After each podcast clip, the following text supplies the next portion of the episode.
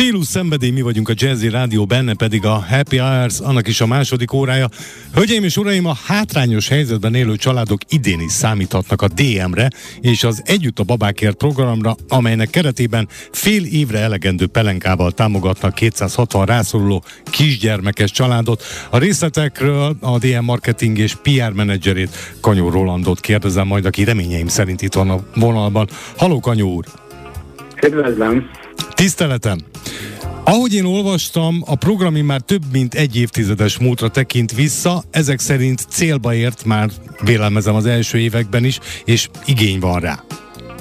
Hát így van, 10 évvel ezelőtt, illetve 11 évvel ezelőtt kezdtük egészen pontosan, akkor volt az első ilyen programunk. Egy nemzetközi együttműködésről van szó a katolikus karitasszal, nem új keletű a dolog, ami nagyon fontos, hogy fenntartató legyen. Tehát amikor az első évben ezt kitaláltuk, akkor mindenféleképpen azt szerettük volna, hogy hosszú távon fenntartató módon évről évre megismételve, és hát sajnos ismerve a körülményeket minden évben új és más családokat bevonva tudjuk ezt a programot megvalósítani.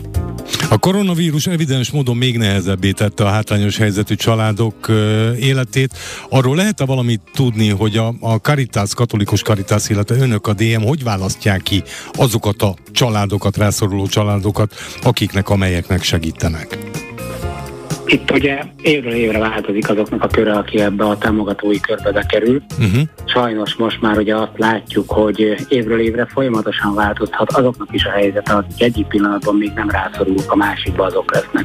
Ha megenged nekem egy példát elmesélni. Hogyne. Volt olyan család, ahol, ahol teljesen természetes úton működött minden, apukának, anyukának rendes munkahelye volt, megtudták, hogy érkezik az első gyerek, nagyon örültek, aztán utána szépen lassan elkezdett így tornyosulni a kihívás, nem is hívom problémának, mert hogy kiderült, hogy az anyuka ikreket vár, és ezek az ikrek egyébként négyes ikrek.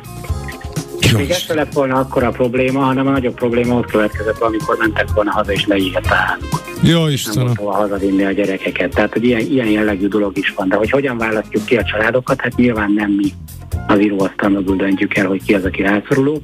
260 üzletünk van nagyjából, hozzávetőlegesen országos szinten, tehát nagyon fontos, hogy az ország minden pontján, uh-huh. és szimbolikusan minden egyes üzlet felvállalja a keresztapai szerepet egy-egy rászoruló családnál. Mégpedig úgy, hogy mindig próbálunk az üzlethez közeleső családot, vagy közeleső településen élő családot választani.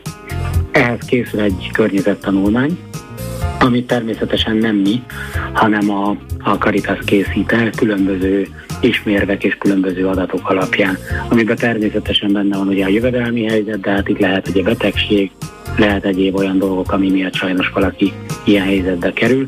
Voltunk Budán is 8 fős családnál, vagy 8 gyerekes családnál, ahol már ugye pont mondjuk a sok gyereknek az iskoláztatása miatt volt óriási segítség, hogy fél évre legendő pelenkát adtunk át, és így ezt az összeget tudták egyébként a adott esetben akár mondjuk fűtésre, élelmiszerre, étkeztetésre, vagy mondjuk a, az iskolakezdés kapcsán a nagyobbakra fordítani, és így a picire a pelenkát pedig tudtuk adni mi. Világos. Nagyon-nagyon összetett, nagyon széles körül ez, hogy, hogy ki miért kerülhet ebbe a helyzetbe. Ha és amennyiben jók az információim, az adomány teljes mennyisége nagyságrendileg olyan 6000-6500 csomag, amelynek az összértéke közel 20 millió forint, azért, azért ez egy jelentős tétel. Így van, hát mi azt szoktuk mondani, hogy családonként egy ilyen 25 csomag pelenkát tudunk átadni, és akkor ezt számoltuk ki, hogy az átlagfogyásból számolva, hogy nagyjából egy fél év alatt ennyi fogy el egy családban. A DM... Tehát, ugye, uh-huh. Figyelek, bocsánat. Tehát, tehát ugye felszázszorozni a 260-262 családra, ugye így jött ki ez az összeg, illetve a szám.